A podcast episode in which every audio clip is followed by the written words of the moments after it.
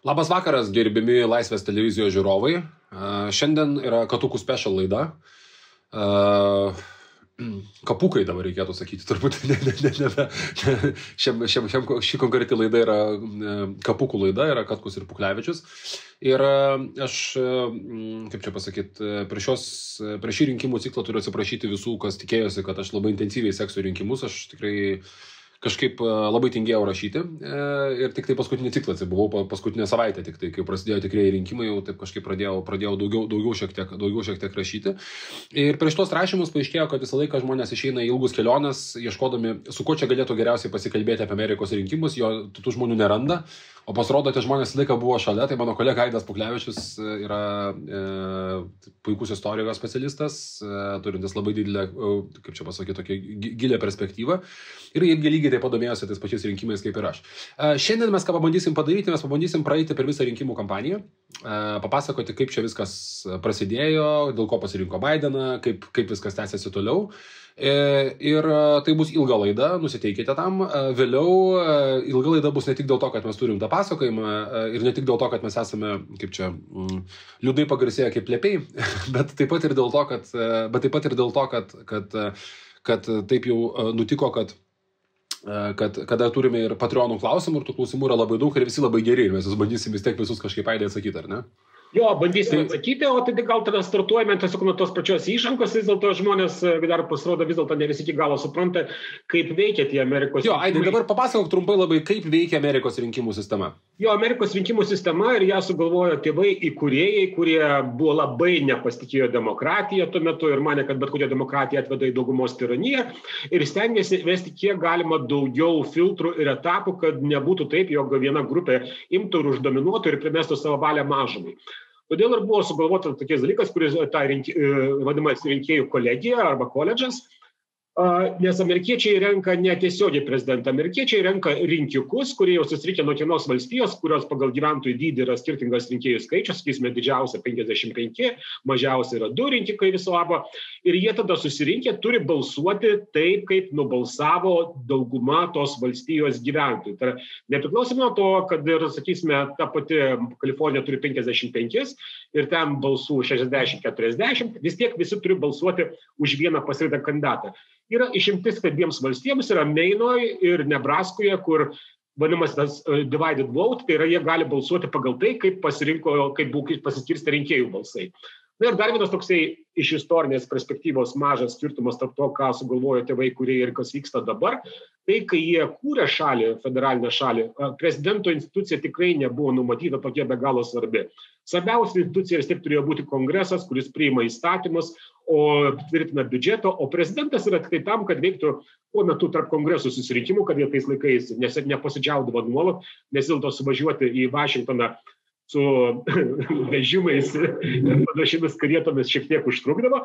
Tai prezidentas buvo tam reikalingas, kad jis subsinėtų šalies gynybą, šalies užsienio prekybą tvarkytų ir, ir, ir, ir užsienio reikalus. Ir apskritai nedaug tų klausimų, kurie buvo priskirti federaliniai valdžiai.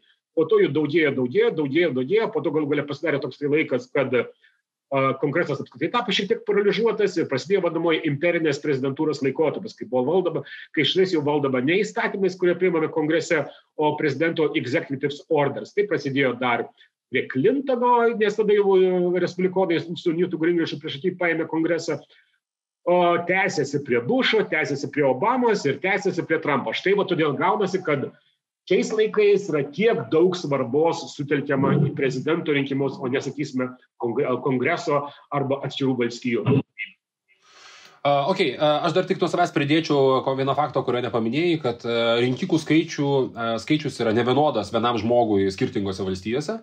Tarkim, Vajomingas turi mažiausiai, kaip čia pasakyti, Vajomingo vienas rinkėjas išrenka daugiausiai, daugiausiai prezidento, uh, Kalifornijos, man reikės, mažiausiai išrenka prezidento ir dėl to uh, jau seniai yra tokia situacija, kad e, demokratai laimi e, balsavimą, tą populiarųjį balsavimą, e, tai yra daugiau žmonių balsuoja už jų kandidatus, tai buvo su Hillary Clinton, taip yra dabar su Bidenu, bet tai nereiškia, kad jie laimės ir rinkikų kolegija.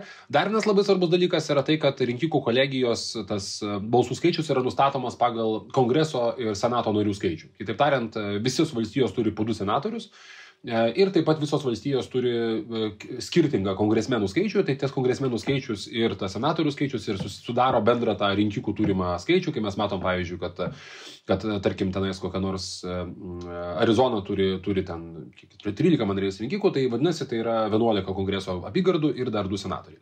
Gerai, aš dabar truputėlį bandysiu įvesti, papasakoti, kaip čia visas tas kampanija prasidėjo. Tai aš pradėsiu tai, kas vyko prieš šiek tiek daugiau negu metus, prieš turbūt šiek tiek daugiau negu metus.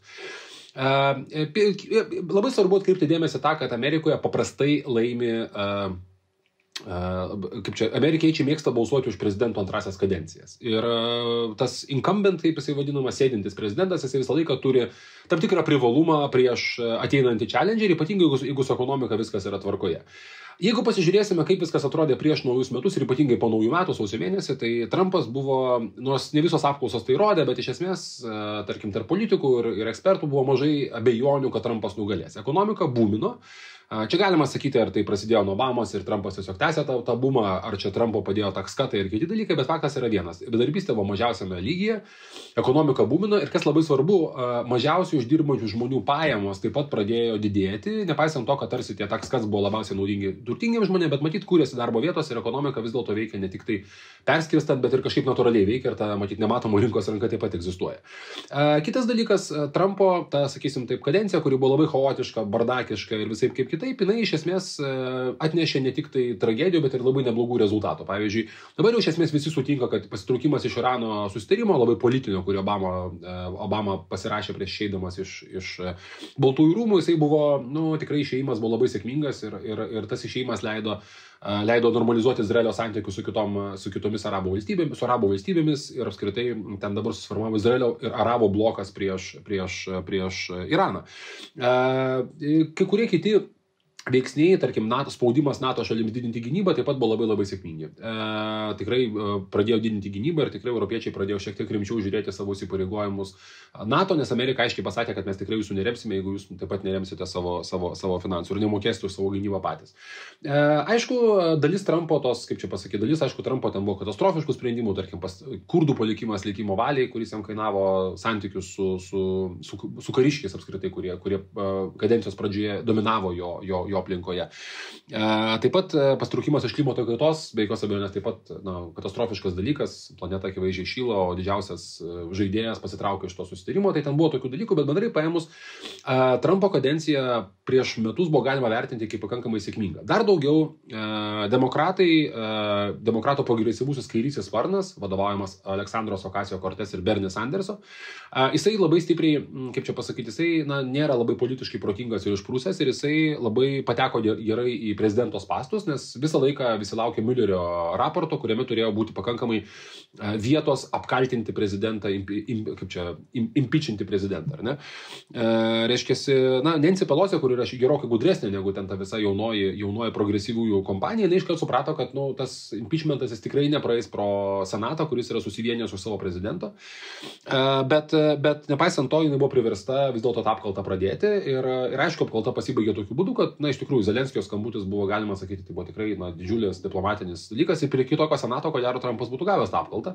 Bėda yra ta, kad senatas buvo e, kontroliuojamas respublikonų ir jokių šansų nebuvo, kad keturi respublikonai išeitų. Iš karto buvo akivaizdu, skaičiavo maksimum du galbūt galėjo išeiti iš Trumpo stovyklos ir pereiti pas demokratus ir nubalsuoti, kad impeachinti prezidentą, nes nu akivaizdu, kad, kad po tokio impeachmento procedūros tikrai jiems jų perinkimas ir, ir nu, vienintelis mitas Romnis galėjo sauliaisti balsuoti už impeachmentą dėl tos priežasties, kad jis jutoje pats yra kaip, kaip Trumpas ir jam ten nereikia Trumpo pagalbos tam, kad jis laimėtų rinkimus. Visiems kitiems tai buvo labai komplikuota. Tai e, gavosi kokia situacija. Ekonomika kyla. E, Trumpo užsienio politikos veiksmai yra yra, kaip čia pasakyti, yra, yra vertinami tikrai nevienareikšmiškai ir negali pasakyti, kad visa tai, ką jis ten darė ir daužė, yra blogai. Galų galę tas konfliktas su Kinijais taip pat buvo seniai pribrendęs ir Obama tiesiog nesėmė veiksmų, tų, kurios, reikėjo, tų, tų, kurios daugumos analitikų nuomonė dabar jau akivaizdu reikėjo daryti, nes su Kinija tie santykiai turėjo, turėjo būti kažkaip tai, kažkaip tai įsispręsti.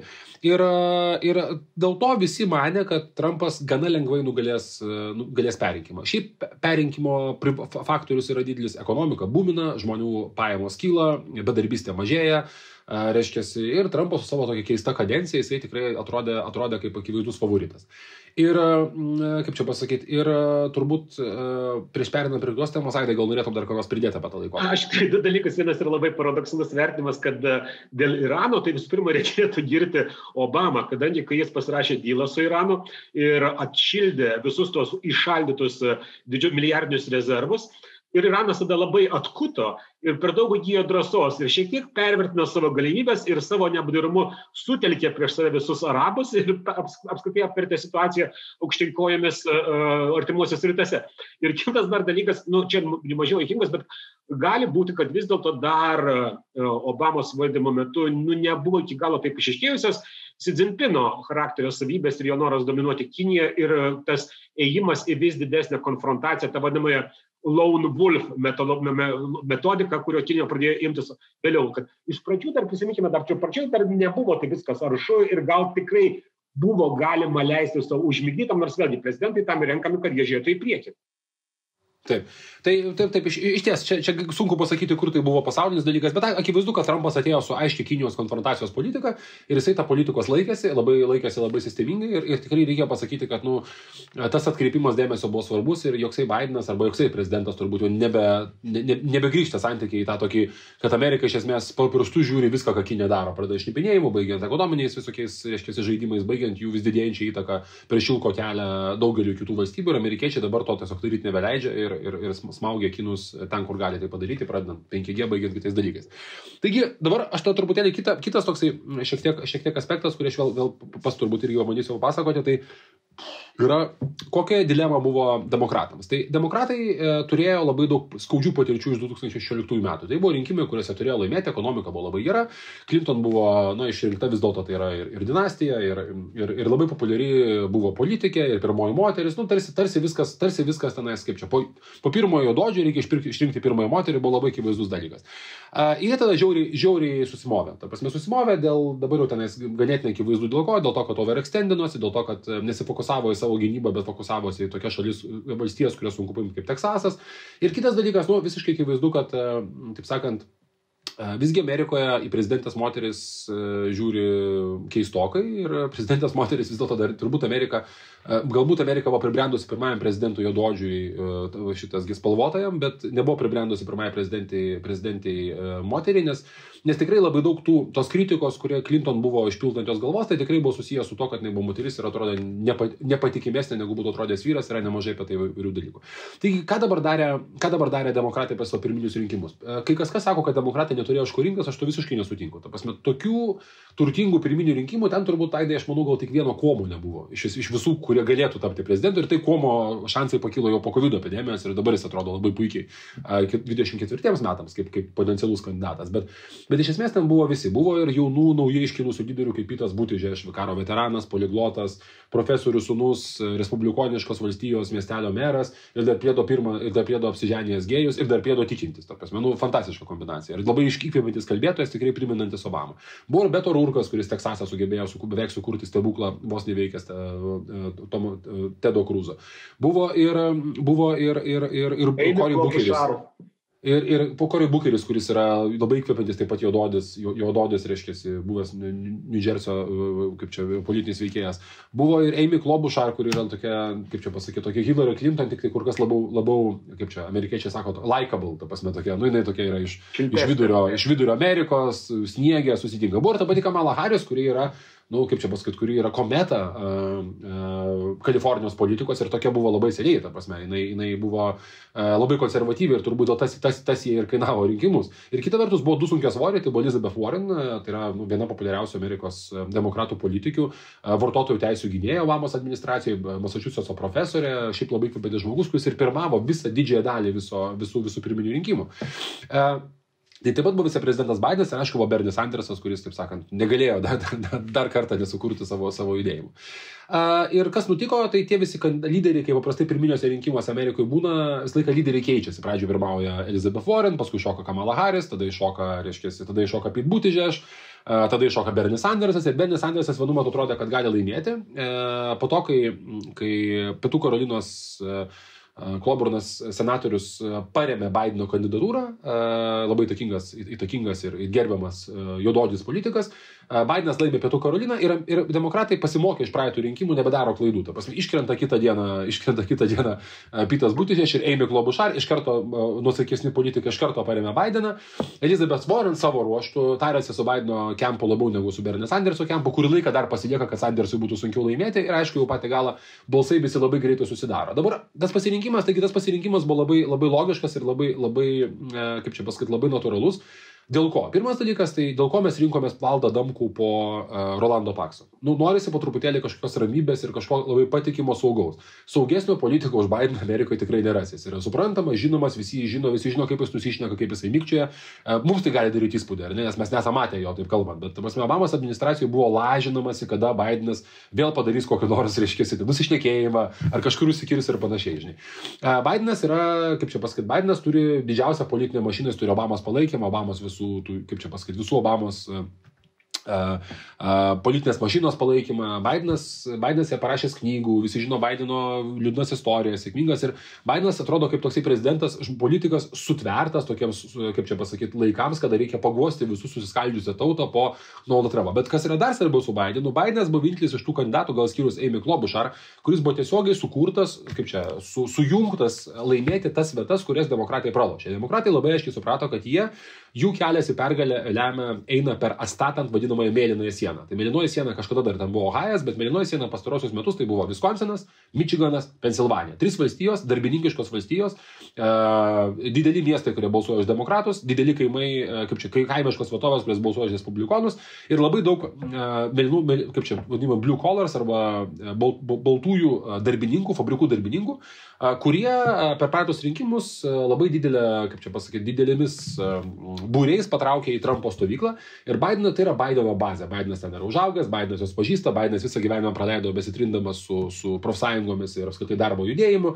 Baidenas moka su jais kalbėti, Baidenas nėra toks progresyvus, kad jie jo bijotų ir tikrai Baidenas neis ir buvo. Ir reikia pasakyti, kad kalbėsim tai truputį vėliau, Baidenas tą ir darė. Niekur jis nevažiavo, sėdėjo tose trijose valstijose, dirbo ir tą vėlinę sieną statė, taip Ohajo statyti jam nepavyko, bet Ohajas jau senokai buvo labai stipriai pasisukęs į, į respublikonų pusę.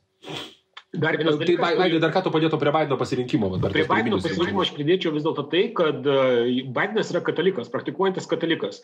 Ir e, čia mes vėl jau šokame iš karto priekį, bet galime iš karto pasižiūrėti, kad e, žiūrint po, po jau po rinkiminės apklausas, paaiškėjo, kad jeigu praeitą kartą Trumpas nunešė prieš Hillary 33 procentus daugiau surinko katalikų balsų, šį kartą jis surinko tik tai 15 procentų daugiau. Vadinasi, vadinasi, Bidenas 18 procentų katalikų balsų atkariavo. Evangelikų tų griežtųjų ir ypač tų vadamųjų, nu, sektinių, sektinių, tai nelabai, mainstreaminių evangelikų irgi šiek tiek, kada ypač episkopalinės bažnyčios irgi savo atitraukė, bet ypač katalikų atitraukė. Amerikoje tai aišku nėra dominuojanti religija katalikybė ir ilgą laiką apskritai dar aš prisimenu labai senus rinkimus, kai apskritai buvo kaltinamas kandidatas, kuris buvo katalikas, kad jeigu jis laimės, čia man atrodo Bryanto laikais buvo 19 amžiaus pabaigoje, kad jeigu jis laimės, tai popiežius perkels Vatikaną į Ameriką ir iš ten valdys visą Ameriką. Žodžiu, tai, tarp kitoko, jo, čia papistų, papistų tikrai nemėga ir čia tarp kitoko buvo, kai Kennedys laimėjo, tai man reikia sakyti, tai pirmas, pirmas katalikas, kuris laimėjo ir tai buvo didžiulis, nu maždaug, kaip čia pasakyti, tai tiems laikams tai buvo istorinis įvykis neblogesnis negu Obama. Ta prasme, katalikas laimė Amerikos rinkimus, o tai čia dabar kas su jais nutiko, žinai, kaip tai gali būti. Jo, tas, tas, tas, tas tikrai, yra, tikrai yra taip. Dar prie Bideno to apylo aš pasakyčiau, kad, aišku, bet jau kalbėsim vėliau apie tai, kaip jis sugebėjo į savo pusę palengti moteris, bet čia yra truputėlį taip. Taigi, išrenkamas Bidenas, ne? Bidenas yra baisiai silpnoje situacijoje ir Bidenas neturi pinigų, Trumpas turi pinigų susirinkęs daugiausia, Bidenas buvo subankrutavęs jau prieš Pietų Karoliną beveik. Jeigu Pietų Karolinas nebūtų laimėjęs, jo kampanija būtų pasibaigusi kitą dieną. Bidenas neturi pinigų, aiškiai, Trumpas yra labai didelis favoritas laimėti ir, ir, ir iš esmės respublikonai net nelabai kreipia į Bideną dėmesį, jie labiau ten pradeda rūpintis, kaip Bideną nupaišys. Tai nupaišyti jie suplanavo, Bideną nupaišyti suplanavo kaip, kaip įkaitą per seną ir įkaitą radikalios kairės. Uh, Nuskaitai sakyti, kad per senas kažkas, kas yra dvi metais vyresnis, tai nėra labai laiminti strategija, bet tarkime, įkaitė radikalios kairės, nes jie žinojo, kad jis pasirinks arba Elizabeth Warren, arba Kamala Harris. Ta prasme, tas buvo akivaizdu, po Black Lives Matter, aišku, paaiškėjo, kad tai bus Kamala Harris iš karto, nes Kamala Harris yra mažiausiai alergijos kelianti jaudodžių politikė respublikonams ir tiems vat, katalikams ir tiems vat, visiems baltiesiams Viskonsino gyventojams. Nes jinai yra buvusi prokurorė ir tokia kieta prokurorė, dėl ko jos jaudodžio organizacijos nelabai mėgo ir neremė prieš tos rinkimus rinkimus. Ta prasme, Kamala Harris ėjo kaip baltųjų kandidatė arba liberalų kandidatė, bet ne kaip, bet ne kaip jaunųjų kandidatė. Nes jinai sakė, jos garsi kalba yra 10 metų, kur Kamala Harris sakė, kad Hebra, e, aš, manau, aš nemanau, kad tik tai, e, kaip čia pasakyti, tik tai uždarius policiją ir pafinansavus švietimą įsispręstų nusikalstamumo problemas. Tikrai nemanau. dėl, dėl, to jinai, dėl to jinai progresyvoji kairė buvo, buvo taip truputėlį, truputėlį nušilta.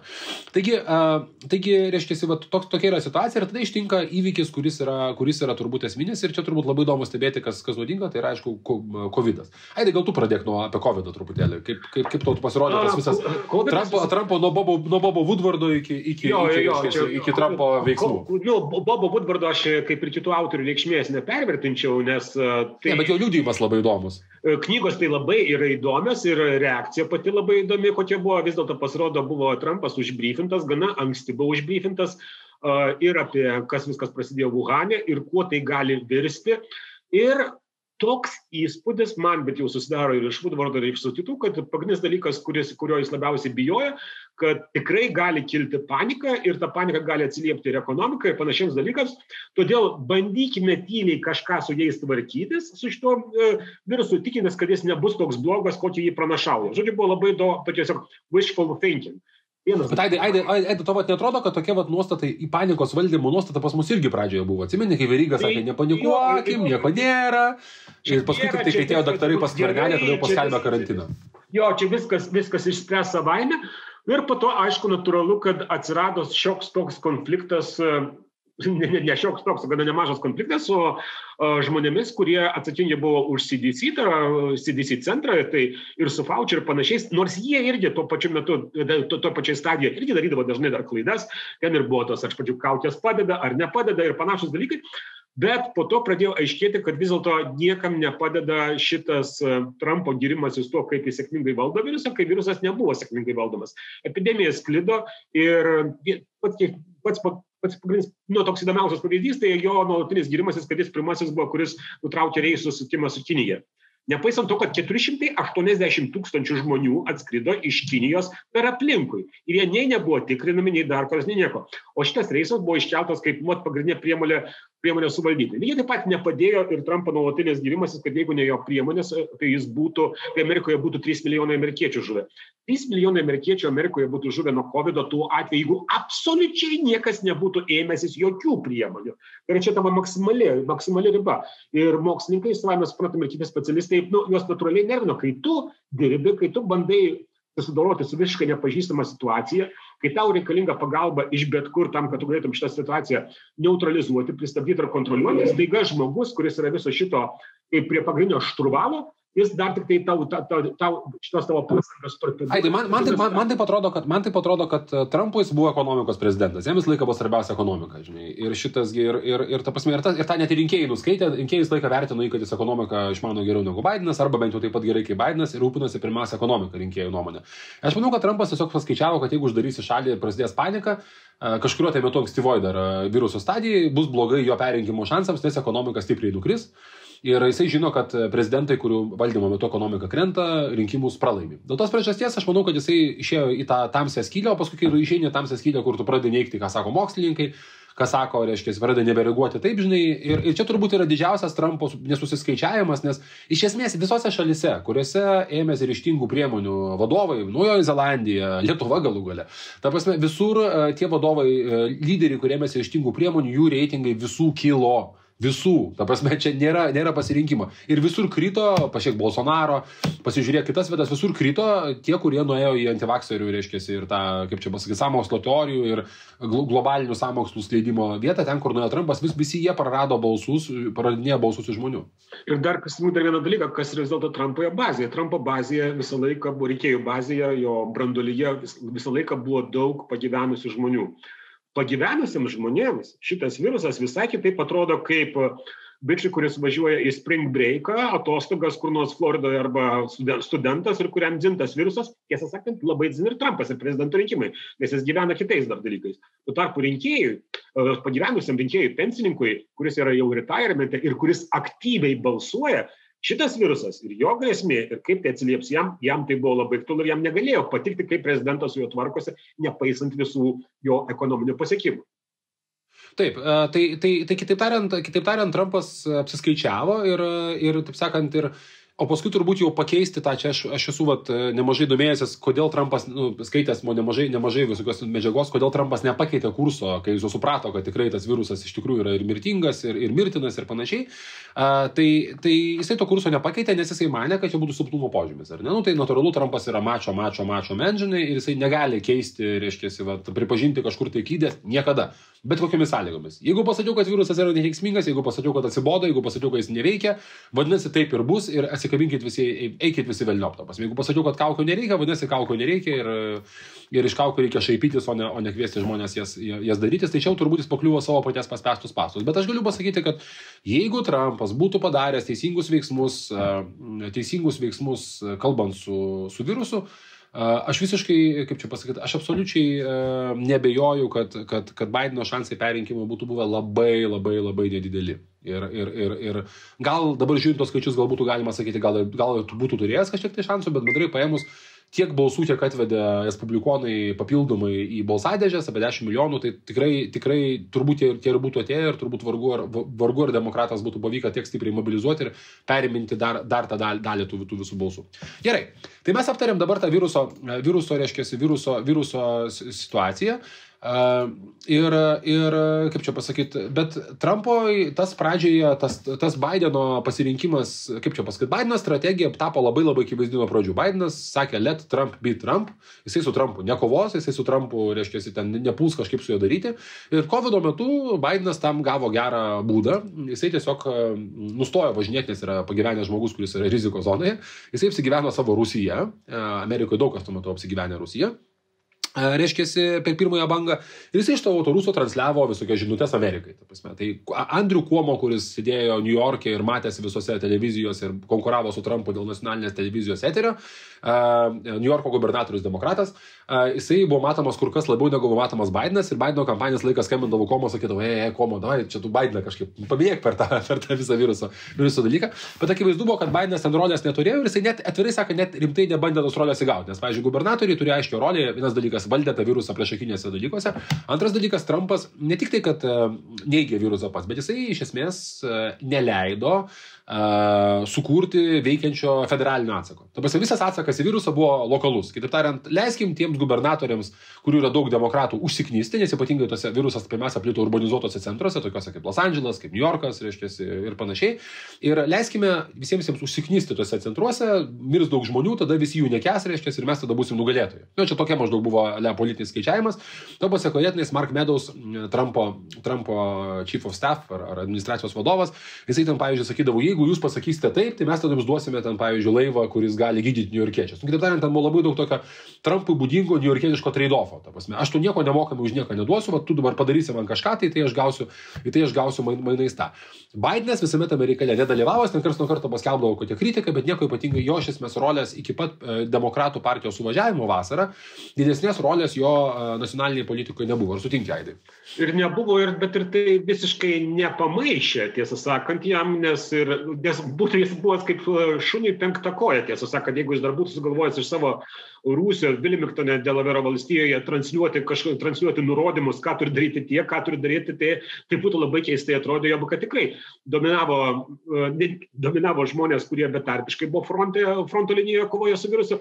Ir net ir jie kartais jau imdavo nusibosti, nes žmonės jau pradėdavo jaukauti, kad Andrew Cuomo per savo spados konferenciją susiema ne tik tai pasakojant, ką New Yorkas daro su virusu, bet ir apskritai šiokiu anger managementu, pykčio vadyba, pasakojimas apie tai, o ką reikia daryti, jeigu jūsų sunus, pavyzdžiui, susipyksta su savo draudė, kad dar kada nu, ten irgi šaržai buvo prasidėję. Taip kad Bidenas, Bideno, Bideno buvo žiauriai teisinga pozicija užsirinkti, kad tiesiog būti tuo, kuo nėra Trumpas. Jeigu Trumpas raukelio visiems savo vien buvimu, vadinamai tą Trump fatik, tai neužknis žmonių savo buvimu ar dar ką nors, eik tik tai tada, kai jau atsiranda kažkoks ar informacijos, ar empatijos, ar emocijos vakumas ir užpildyk jį, bet nebadyk ten verštis iš ratvirus langus, iš televizijos ekranų net iš šaldytuvo. Taip. Uh, kitas dalykas, ką, kitas dalykas ką, Trump, ką Bidenas tuo metu padarė sėkmingiausia, čia, čia aš manau yra didžiausias nuopelnas, vis dėlto Bidenas turėjo nepalyginti labiau disciplinuotą kampaniją negu Hillary Clinton kampanija. Gal dėl to, kad turėjo daugiau laiko, gal panašiai, bet pirmas dalykas, jisai sugebėjo sutaikyti du sparnus. Mes prastume, demokratų partija yra įsiskydusi, jeigu Amerika yra polarizavusi, tai demokratų partija yra taip pat, taip pat e, polarizavusi. Po Bernie Sanderso netikėtai gero pasirodymų 2016 metais ir po Hillary Clinton pralaimėjimo e, e, atsirado žodis socialistas nustojo būti kieksmažodis. Dar daugiau. Aš manau, tai siejasi vėlgi su, su kaip čia pasakyti, su, su, su, su tam tikra žodžiai praranda prasme, kai tu juos labai dažnai vartoji. Ta prasme, kada visa kaip čia pasakyti, kada visi e, respublikonai nuolatos vadino demokratus, tame tarp ir tuos, kurie yra, sakysim, Lietuvoje būtų visiškai konservatoriai, vadino socialistais juos, ar ne? Tai žodis socialistas tapo identifikacija, kuri visai yra ok. Aš esu liberalas, aš esu, esu progresyvosios arba aš esu socialistas, tai nebėra problemos. Ir ten tikrai atsirado tikrų socialistų, ta prasme, New York'e, e, New York'e ir kitose didžiosiuose Amerikos e, rytų pakrantės miestuose pradėjo kilti tikrasis socializmo judėjimas, trotskistai, reiškia, ir įvairūs e, kitų pakraipų kitų pakraipų Markso pasiekėjai, e, jie pradėjo kelti savo kandidatus, pradėjo, kaip čia pasakyti, e, pradėjo pakankamai sėkmingai dalyvauti politikoje, demokratų politikoje. Ir kadangi tai yra demokratiškos apylinkės, jeigu, pavyzdžiui, pirminiuose rinkimuose laimi demokratų pirminių rinkimų balsą, jisai po to iš karto laimi ir, ir rinkimus, nes tu tiesiog, tarkim, New York'e arba, arba, arba Kalifornijoje, nu, nelaimi tenais, niekada nelaimi tenais, reiškia, kokia nors, e, kokia nors, kokia nors respublikonai, nes tiesiog tai negali laimėti lygiai taip pat kaip ir Vajomingeris demokratai demokratai arba Alabamoje demokratai nelaimės skyrus. Nebent jeigu, jeigu šitas, jeigu respublikonas yra pedofilas, tada, ir tada, tada gali laimėti koks nors Dagas Džonsas, reiškia, kaip jisai padarė prieš, prieš, prieš, prieš, prieš du metus. Tai reikalas yra tas, kad kad demokratų partija labai suskaldžiusi ir kas pavyko padaryti Bidenui ir ko nepavyko padaryti Hillary Clinton, Bidenui pavyko kažkaip sutvarkyti, suvienyti juos į vieną bendrą dalyką. Pirmas dalykas, jis ats, ats, kaip čia pasakyti, atsiribojo nuo pačių durniausių ir žiauriausių šaukimų iš kairės pusės, e, tokių kaip, pavyzdžiui, Defund the Police. Nu, kitaip tariant, kadangi policininkai elgėsi blogai su juododžiais, faktas, tai davai įspręskim dabar tą temą, reiškia, atimdami jų pinigus ir atiduodami pinigus socialiniai apsaugai. Nu, ta prasme, nu, hebra, nu taip neveikia, ar ne? Ta prasme, jeigu yra kriminalinis dalykas, dėja, tu negali spręsti tų problemų atimdamas pinigus. Ir tą supranta dauguma amerikiečių ir tai yra labai nepopuliari pozicija. Bidenas nuo jos iš karto atsiribojo. Iš karto sakė, ne, nesutinku su tuo. E, ir netgi per Black Lives Matter protestus, kurie tikrai buvo nevienareikšmiški, viena vertus, e, amerikiečiai, aš ką noriu labai pastebėti, amerikiečiai, mes manome, kad visi pas mus matė, pas mus visi žmonės, kurie komentuoja Amerikos politinį politinį gyvenimą, ypatingai komentavo per BLM, buvo įvairūs įvairių pakraipų, vadinkim taip, dešinieji. E, tai tie vad visi dešinieji, jie dalinosi baisiais filmukais, kaip juododžiai plečia kokią parduotuvę, reiškia, jis sakė, kad visi protestai yra baisus ir pas mus ateina šitą baisį bangą. Dabar dauguma 99 procentai tų visų BLM protestų buvo labai taikus, ta prasme, man čia bičiulis iš Kalifornijos net atsiuntė, kaip BLM Black Lives Matter gražiai išpošia gatvę, ten su gėlėmis parašė Black Lives Matter ir panašiai. Kitas dalykas, tie, kaip čia pasakyti, kitas dalykas, visi supranta, Amerika yra kur kas labiau, mažiau rasistinė valstybė negu Europa.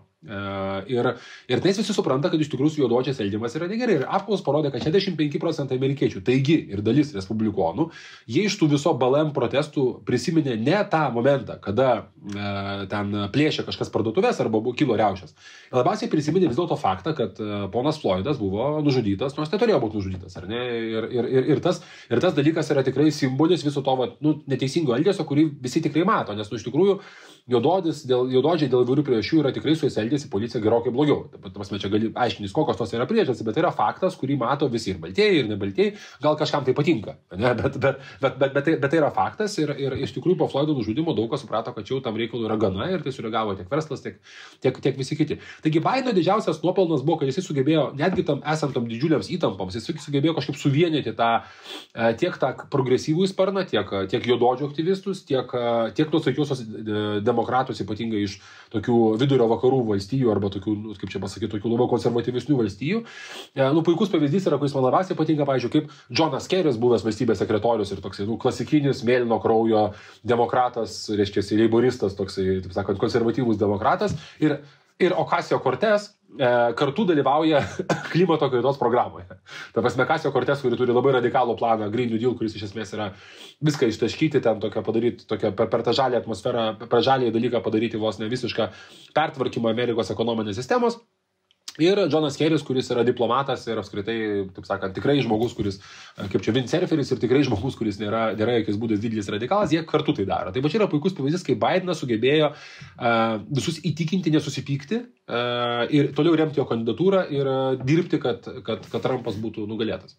Aš dar čia pridėčiau ne tik tai pačio uh, Bideno nuopelną, bet ir pačios uh, demokratų nu, struktūros, administracinės struktūros nuobodas. Sakysim, Tony Peresas, kuris yra dabar demokratų nacionalinio, nacionalinio komiteto pirmininkas, veikia daug geriau negu Dona Brazil veikia prieš, prieš, prieš Hillary kandidatūros, iški, kandidatūros iškilimą. Tai Už ką jis turbūt gaus ir postą. Jo, jo, jo. Tai vienas dalykas yra, o antras dalykas, kad po tos vadamosios Blue Wave, kur buvo per praeituosius midterm kongreso rinkimus ir kuri labai gerai praėjo demokratams, jie šiek tiek pajuto vėją savo būrėse ir labai norėjo viską užbaigti, ne, ne užbaigti, bet perėti kitą etapą šitose rinkimuose ir buvo nutarę bet kokiu atveju nekartoti 2016 metų klaidų, kai kova tarp Hillary ir Bernie vyko iki, nežinau, iki visiškai iki pačios pabaigos ir po to dar buvo tas visas susinervinimas dėl nulykintos DNC korespondencijos, kuriame buvo aiškino, kaip DNC vadovybė bando uh, dalykus pritemti Hillary naudai. Ir tikrai buvo daug tada įtampos ir dar blad, nepaisant to, kad pats Bernis bandė asmeniškai glaisti ir sakė, kad jo, aš remsiu ponę, ponę valstybės sekretorę ir aš ją tikrai paremsiu, bet nebuvo tokio susivienimo visų likusių kandidatų, kurie pralaimėjo, nu, išskyrus galbūt Bilą de Blazijo, New Yorko merą, kuris visiems dzin buvo, ką jis galvoja, nes, tai, nes jis York'e neturi teigiamų reitingų, bet visi kiti tikrai labai greitai, labai greitai susirinko aplink Bideną ir padarė labai daug, kad suvaldytų savo šalininkus, rėmėjus, tarp kurių, tiesą sakant, buvo tikrai karštų galvų, kurie pirmą kartą, kai jau buvo pradėjo iškėti, kad Bernis Sandersas nebelaimės primaris, tai buvo ten tokių, kurie rašė, kad, nu, je, jeigu taip, nu tai nafik, tada tai mes nebalsuosime už jį. Balsuosime tada už, už, už Trumpą, jo, jo, jo, čia buvo, jo, buvo tokių. Nu, tai, tiesą sakant, tos karštos galvas per praeitus rinkimus e, nubalsavo už Jill Stein. E, jo, čia irgi šiaip labai, šiaip, šiaip irgi labai geras dalykas. Jill Stein, nepaisant to, kad yra, yra ir komunistai, ir prorusiška, ir šiaip labai keista politikė, bet jinai vis dėlto yra e, asmenybė, ar ne? Dabartinės e, dabartinis žalių, žaliųjų partijos kandidatas buvo labai toks, prasme, surastas iš pat, patvario ir aš, aš ne, ne, kaip čia, nenustepčiau, kad čia buvo tam tikras ir demokratų vis dėlto planas, kad kažkaip tai tas žaliųjų kandidatas būtų silpnas, nes Julstein jinai lėmė Hillary pralaimėjimą bent keliose valstijose. Jeigu tie um, sanderisistai, kurie prabalsavo už žaliuosius, būtų nubalsavę už Hillary Clinton, ko gero, ko gero, bent jau Hillary Clinton bent jau buvo skaičiuota, kad bent jau būtų labai stipriai priartėjusi prie to. O, o šiuo atveju uh, stipru, stipri Johnson, kuri buvo stipri, stipri leiboristų, e, liber, e, libertarų partijos kandidatė, jinai akivaizdžiai rinkosi never Trumperių balsus, ta prasme, žinai. Ir, ir dar klausimas, manau, kad pusę balsų galėjo nueiti ir pas Hillary, pas, pas Bideną, pusę balsų galėjo nueiti pas, pas Trumpą. Tai, tai negali pasakyti, kad jos, jos vaidmo buvo vienareikšmiškai vienareikšmiškai kažkaip tai pakrypęs į vieną arba, vieną arba kitą pusę. Taigi, vasarą Bidenas konsoliduoja partiją, padaro pirmąjį rinkimą, padaro pasirinkimą Kamala Harris. Aš Kamala Harris truputėlį pristačiau, tai tikrai yra labai talentinga politikė, kometa, bomba, meteoras, reiškia, labai kita kovotoja, jododė, kaip čia, ne jododė, bet spalvotoja, jos mama Indė, tėvas, tėvas yra iš Jamaikos. Ir, ir tikrai žmogus padarė didžiulę karjerą, aišku, tenais ta karjeros nėra visai be, be, be šešėlių, ten tai, uh, turėjo tokią, kaip čia pasakyti, sugar daddy, jos, jos meilušis buvo vienas įtakingiausių juododžių politikų Kalifornijoje, ponas Braunas. Uh, jos, čia, jos buvo draugas. Sakyti ne sugar daddy, bet chocolate daddy. Chocolate daddy, aš atveju chocolate daddy turėjo, tai turėtų būti. Ta prasme, ir, ir, ir tai tikrai jau, jau, jau tos jų romanas buvo vienas labiausiai aptarinėjimų tabloidų tema, bet bet kuriuo atveju tai buvo nu, romanas kaip romanas, viskas tvarkoja, natūralu, atsitinka, atsitinka meilė ir politika, nieko čia čia negali padaryti ir tarp, tarp skirtingų, skirtingų dalykų, bet faktas yra tas, kad, kad iš tikrųjų jinai buvo tikrai didelis meteoras ir, ir, ir pažiūrėjau, Kalifornijoje jinai iki šiol išliko labai labai mėgstama, tik tai, kad Kalifornija niekam neįdomi, nes tai vis tiek laimė demokratai. E, kitur jos kampanija subombido labai greitai. E, bet Kamala Harris tikrai, ką galiu pasakyti, nepaisant to, kad senate patekusi senatą, jinai labiau nuėjo į tą tokį kairį, bandydama iškot balsų nuėjo labiau tą progresyvų sparną ir dėl to labai blogai atrodė, nes jinai natūraliai nėra progresyvioji, bet, jinai, bet jinai bando būti progresyvioji ir dėl to jos, pavyzdžiui, vienas toks tardymas buvo progresyviai tardo Kamala Harris.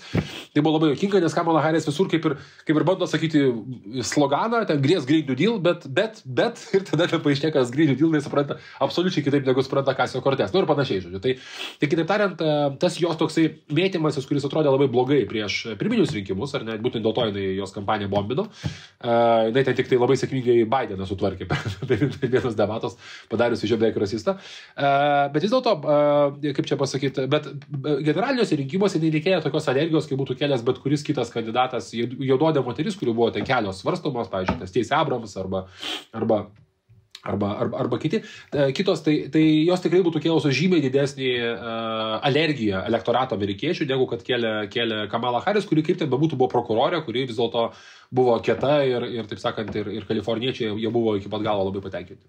Tai Kamala Harris pasirinkimas, jisai dar turėjo kitą įdomų dalyką, Bideno pinigai tuo metu pradėjo plaukti į sąskaitą. Ta prasme, jeigu pradėjo plaukti jau po COVID, pirmasis buvo didelė banga, kaip paaiškėjo, tai po Kamala Harris ir demokratų to pristatymo per demokratų DNC suvažiavimo, iš esmės pasidarė visiškai aišku, kad, kad Bidenas turės daug daugiau pinigų negu Trumpas rinkimuose. Ir nu, nepaisant to, kad Bidenas jau sėdėjo ramiai tam savo ruselį ir toliau, reklaminė prasme pradėjo daužyti respublikonus visų pirma Pensilvanijoje, Viskonsine, Mičigane, to, to, lygiai tuo pat metu pas Trumpą pinigai pasibaigė. Dėl ko jie pasibaigė? Nu, čia yra tokia biškiai diktuota istorija, aš nežinau, ar tu žinai šitą ponę, gal tu papasakosi, jeigu tu duvėjai tą, tą istoriją, pono Trumpo jaunesniojo draugė iš e, buvusi Fox kanalo vedančiojo. Iš esmės atleista už, atleista už seksualinį priekabėjimą prie savo asistentės. Ji buvo kaip atsakinga už visą fundraising. Kaip jos vardas, aš dabar... dabar... Aš irgi dabar to nepasakysiu, vardą iš, iš atminties, bet e, jo, bu, bu, kur anksčiau buvo Fox kanale, po dabar yra girlfriendė Donio Junioro, ji buvo atsakinga už fundraisingą ir fundraisingą suprasdavo šiek tiek, šiek tiek labai tiesmukiškai, dėl ko kartais žmonės, kurie ateidavo į fundraisingo įvykius, būdavo šiek tiek sutrikę, nesakydavo. Kimberly Guilfoyle. Va, jo, Guilfoyle. Va. Jo, Labai spūdinga moteris, čia yra ta moteris, kuri per, per, per šitągi, per ta moteris, kuri per, per e, demokra... respublikonų suvažiavimą, kur buvo patvirtintas Trumpas kandidatų, šaukia The best! Jo, jo, jo. Yet to come! Tai va, žodžiu, šita ponė, kai vykda, vyksta, nu, įsivaizduoju, toks renginys, į kurį žmonės ateina, jie ten susimoka už galimybę pamatyti kandidatą. Ar tokie respublikonai, cigarai, vyrai. Jo, nu, rimti vyrai, nu vis tiek respublikonai, taigi čia jo, žinai, Amerikos susimoka, pinigai. Susimoka po 10 tūkstančių ir dar po to papildomai gali papildomai papildomai paukoti, tai jis sakydavo, tam, kas daugiausiai paukos, aš galėsiu ant uh, sušokti. Lap dance tai kaip striptizo šokėja atsisėda tau į skreitą ir pradeda kažką šokti. Tai žmonės būdavo šiek tiek pasimetę ir sakydavo, aš truputį kitaip įsivaizdavau šitos dalykus. Nu ir dar kitas yra variantas dėl tų pinigų. Uh, atseit uh, Bredas Paskalė, kuris buvo anksčiau pirmosios 16 metų kampanijos pagrindinis skaitmininis strategas, atseit šį kartą labai daug pinigų nuginė ne į tą pusę ir net nelabai ne, ne protingai juos eikvojo. Ir ten po to vėlgi jį patį ten areštavo, nes žmona aiškino, kad jis ją muša, jis sakė, kad nieko iš jos nemuša, tiesiog jau man jį mėnesį sekso neduoda, kaip tai gali būti. Nu, žodžiu, kampanija įdėjęs daug tokių linksmų dalykų. Ir tai buvo tas, tas kaip, kaip tu jau paminėjai, tas kontrastas, lyginant su Bideno kampanija, kurios nei liko ėjo, nei kas nors buvo nulykinta, nutekinta, absoliučiai. Buvo taip viskas susiūta ir sustiguota, kad e, priešinga pusė tikrai atrodė kaip toks chaotiškas piratų laivas, kuriame vieni geria Romą, kiti dar kažką mojuoja tada ir šau, nu, žodžiu, tiesiog tikras buvo Trump šau. Jo, a, tai, tai tikrai tas ta kampanija buvo ir, žodžiu, Bidenas sėdėjo savo ramiai Rusijoje, tuo metu reklamos daužė. E, dar daugiau, paskui ten tas reklamos, paskui daug daužimas pasidarė jau tiek, e, bendro suma prezidentiniai kandidatai išleido 6, man reikės, pusę milijardo pinigų, iš jų du trečdalius išleido Trumpo, e, ne Trumpo, bet, bet Bideno kampaniją. Ir ten pačiam gale dar, dar jau iš, į vakarėlį šoko ir Bloombergas, kuris anksčiau buvo pasiūlęs paskirti milijardą pinigų sumušti Donaldui Trumpui. Tai dabar jisai paskyrė 100 milijonų, dar sugitavo porą kitų milijardierių ir jie tada daužė Teksasą, Džordžija ir, ir, ir, ir Florida. Florida. Florida. Jo, e, būtent, būtent tose trijose valstijose, kuriuose mane, kad gali kažkas tai pasikeisti, Florida prapylė baisiausiai ir čia apskritai kelia klausimų apie apskritai televizijos reklamos versus, versus tiesioginiai susitikimai. E, bet, bet reiškia, kad gal ne, nebuvo tiek, tiek efektyvu.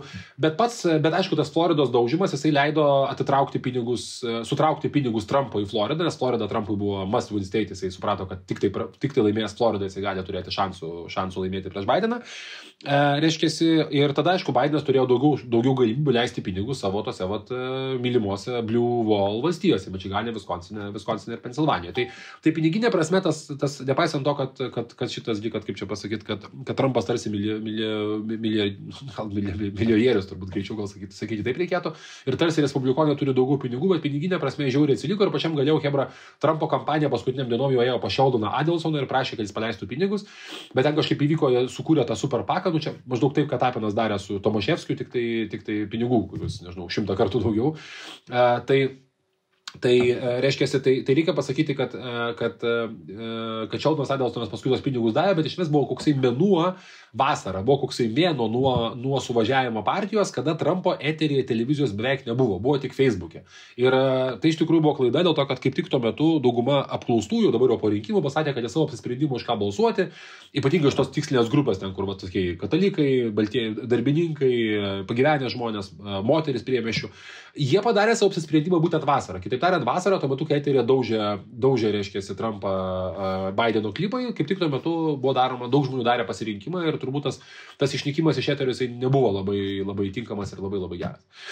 Ok, sekantis, sekantis šitos visos istorijos chapteris yra, kaip Trumpas susiprato, kad yra kažkas negerai ir išvažiavo paneigdamas visus sveikatos, kaip čia per antrąją kaip čia per antrąją bangą išvažiavo agituoti mitingais žmonių, nes tai yra jo pati E, nu kaip čia pasakyti, pati, mėgst, pas, pati mėgstamiausia, pas mėgstamiausias būdas, kaip tai, kaip tai, e, kaip tai padaryti, bet kiek atsimenu, ten kažkaip tie mitingai jau prasidėjo prastokai. Ir kai tavo ne, kompanijos... Pats, pats pirmas buvo, kai jie klausinėjo iš pradžių, kur yra mažiausias užkristųjų skaičius, mažiausiai pandemija aktyvi. Nu, sako, mažiausiai kol kas yra Oklahomos valstija.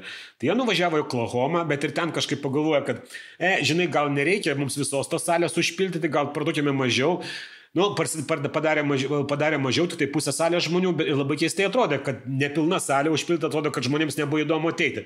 Dar po to ten dar tik tokeriai buvo susigalvoję, kad registruotis į šitą mitingą ir, ir tokiu būdu sukūrė, kad vietų ten jau nebėra, normalus žmonės negali patekti, o tik tokeriai sako, va, užsiregistravau save, savo dešimt draugų, mes tai ten neįsime, bet bilietai rezervuoti. Na, nu, žodžiu, ten vyko daug ir po to būtent ir įvyko tas pirmasis suskirtimas tarp Trumpo ir Bredo Paskualė, nes jis buvo atsakingas būtent šitą renginį, jis buvo patyręs, kad čia bus toks maga visiškai... Aš čia truputį papildysiu, Bredas Paskualė yra Trumpo kampanijos vadovas, kurį vėliau pakeitė Bilas Sepienas jo. Tai ir tada buvo pirmas jų išsiskirimas, tai, pir, tai žodžiu, tas pirmasis blynas buvo ne tai, kad prisvilęs, pirmasis blynas buvo ir pusžalis, ir prisvilęs tuo pačiu metu. Bet po to, ką padarė Trumpas, skirtingai nuo 16 metų arba tų mitingų, kurie vykdavo mm, jo kadencijos pradžioje ir dar kas, jis ėmė rinktis mažesnius miestus, kurie mažiau aplankyti ir kuriuose būtent Vėlgi, iš vienos pusės tarsi keista, nes ten ir taip už tave balsuos, bet iš kitos pusės tai be galo uždegdavo vietinių žmonių entuziastą, kurie ten rinkdavosi nepriklausomai nuo to, kad dviejose vietose ten gavosi taip, kad autobusai jų neišvežiojo iš to oro uosto ir ten nulinės temperatūros buvo, tai po to žmonės sušalusius reikėjo į ligonės gabenti ir atšilti. Bet vis tiek, tiesą sakant, niekas iš jų nesiskundė tuo ir sakė, na, nu, čia tiesiog mažas mismanagentas kampanijos, nes tikrai jo bazė buvo užsidegusi ir jau pradėjo matyti, kaip nedaug dievė ateina Amerika uh, raudonas komunizmo velnės ir atneša baisius dalykus. Jo. Čia reikia pasakyti, kad Trumpo, Trumpo žinutės buvo, buvo iš esmės trys ir jos ne visos suveikė. Viena žinutė buvo, kad Bidenas yra psichiškai nesveikas ir, ir, ir nestabilus. Tai ta žinutė nesuveikė, ypatingai po pirmųjų debatų visi kai Bideną pagaliau pamatė, kad jisai kalba, nu, Bidenas nėra pas aktyviausias žmogus pasaulyje, vadinkim tai, bet, bet atvirai pasakė, žinai, žmogus, kuris sugeba ištemti penkias valandas be sustojimo kalbėjimo ir, ir beveik nenusišnekėti, nu, ta prasme, tai čia, žinai, čia tikrai nėra, nėra, nėra kiekvieno žmogaus, žmogaus, kaip čia pasakyti, dalykas. Ir, ir kitas dalykas, Bidenas visą laiką buvo toks pats, ta prasme, pažiūrėk, tu pažiūrėk, aš žiūrėjau, kaip Bidenas kalbėjo prieš prieš 30 metų, kaip tik neseniai pasižiūrėjau kažkokią kalbą ten šitam gisenate, Ir kaip jisai kalbėjo dabar, nu, žinai, atvirai pasakius, nieko ten didelio skirtumo nėra, gal net dabar biškiek aktyvesnis, reikia pasakyti. Toks biškiek labiau, o iš Obamos išmokęs tokio labiau, tokio, ten, žinai, tokio kietumo, griežtumo ir skandavimo. Tai, žinai, tai, tai, tas, tai tas dalykas labai, labai darė ir iš esmės Bideno populiarumo reitingas neipatingai ir nukrito, nepaisant visos to daužimo, kurį Trumpas ant jo paleido.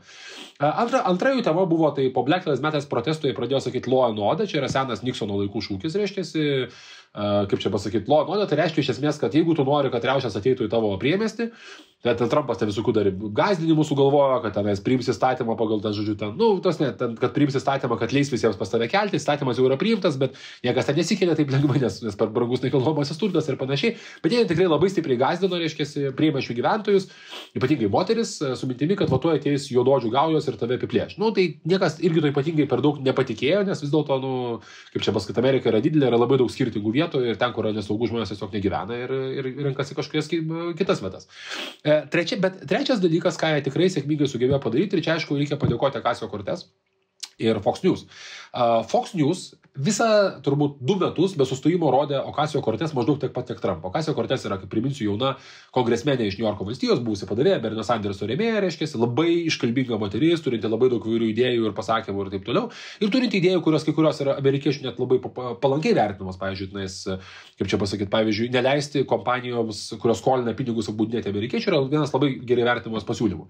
Bet tai taip pat turi ir tokią, na, labai radikalią, vadinkim taip, Ameriką dekonstruojančią agendą, kuri vadinasi Green New Deal. Ir tai yra tikrai labai, nu, labai labai radikalus, radikalus pasiūlymų paketas, ta prasme, kuriame iš esmės, kaip čia pasakyti, pasinaudojant klimato kaitos uh, grėsme, baime, iš esmės yra bandoma gyvendinti labai daug tokių, sakysim, taip, tokių radikalių Amerikos perstumimų į kairę. Žinai. Vėlgi, gali sakyti, kiek ten tie dalykai yra prasmingi, ypatingai lyginant su kokia Kanada arba Lietuva, žinai. Bet, bet faktas yra tas, kad amerikiečiai tai tikrai tą, tą jos tą New Deal paketą priema normaliai. Tai ką padarė Fox News? Fox News jos padarė žvaigždė. Jie rodė nuolatos Akasio Kortes. Akasio Kortes daro tą, Akasio Kortes buvo ten. Tokiu būdu amerikiečiai įsigando Akasio Kortes ir Trumpui bereikėjo tik susijęti Akasio Kortes su Bidenu, ką jam pavyko padaryti padaryti. Ir tam tikrai uh, Bidenas galėjo sunkiai pasipriešinti, jis negalėjo neikti, kad jisai nėra Okasio kortės sąjungininkas, nes tai būtų kainavę balsų. Uh, ir savo ruoštų, tai vadinasi, tik, tikrai atsitiko taip, nes, pavyzdžiui, aš ir kiek pats turiu pažįstamų, kurie balsavo Respublikonus, tai sakė, aš balsavau už tą, kaip čia, oranžinį, čia ne man, čia kolegai sakė vienas, o kitas pažįstamas man sakė panašiai, bet ne taip vaizdingai, aš balsavau už tą uh, orangų tankas oranžinę galvą, reiškia, tik dėl to, kad aš bijau, kad ateis Okasio kortės ir atims mano pinigus. Žinai, tai čia, čia buvo labai konkretus, konkretus reiškia, konkretus labai, labai, labai, taip sakant, pavyzdys. Ir Trumpo kampanijai tikrai tą pavyko pakankamai sėkmingai iš, iš, išpopuliarinti ir, ir tas jautėsi, kad va, šitas smūgis tikrai, tikrai lipo. Ir tai nepaisant to, kad Bidenas stengiasi nuo jo atsižegnoti ir ypač paskutiniuosiuose mitinguose, kuriuos darė kartu, jau kartu su Obama visuomet pasakydavo, kad e, jo Green Dealas tai tikrai nėra toks radikalus ir toks visą apimantis. Aišku, jam nepadėjo vis dėlto tai, kad e, per pačios pirmosios debatus šiek, tiek susibalamutino paklausęs apie frackingą. Jis turėjo galvoje, kad jis frackingą tik tai uždraus federalinėse žemėse, o visur kitur, kur privačiai išpirta, galite frackinti kiek norite, bet iš karto buvo išpūsta, kad jis sustabdys frackingą iš karto. Nu ir čia, aišku, Pensilvanija iš karto pradėjo galvoti, palaukit, palaukit, palaukit. Tai čia juk nuo mūsų priklauso, mūsų gyvenimas nuo to priklauso, nuo frackingo. Sveiki, štai ir tiek mes norėjome jums parodyti e, visiems, e, kurie nėra užsiregistravę remti Laisvės televizijos Patreonų. E, tolimesnis diskusija, kuri, manau, dar truks gal net porą valandų, bus prieinama tik tai tiems, kurie jau remia Laisvės televiziją internete. Padarykite tai ir jūs. Tai labai nesudėtinga, tai tikrai daug nekainuoja ir aš manau, kad laisvės tele... tokiu būdu paremsite laisvės televiziją bei turėsite galimybę žiūrėti visą savo norimą turinį.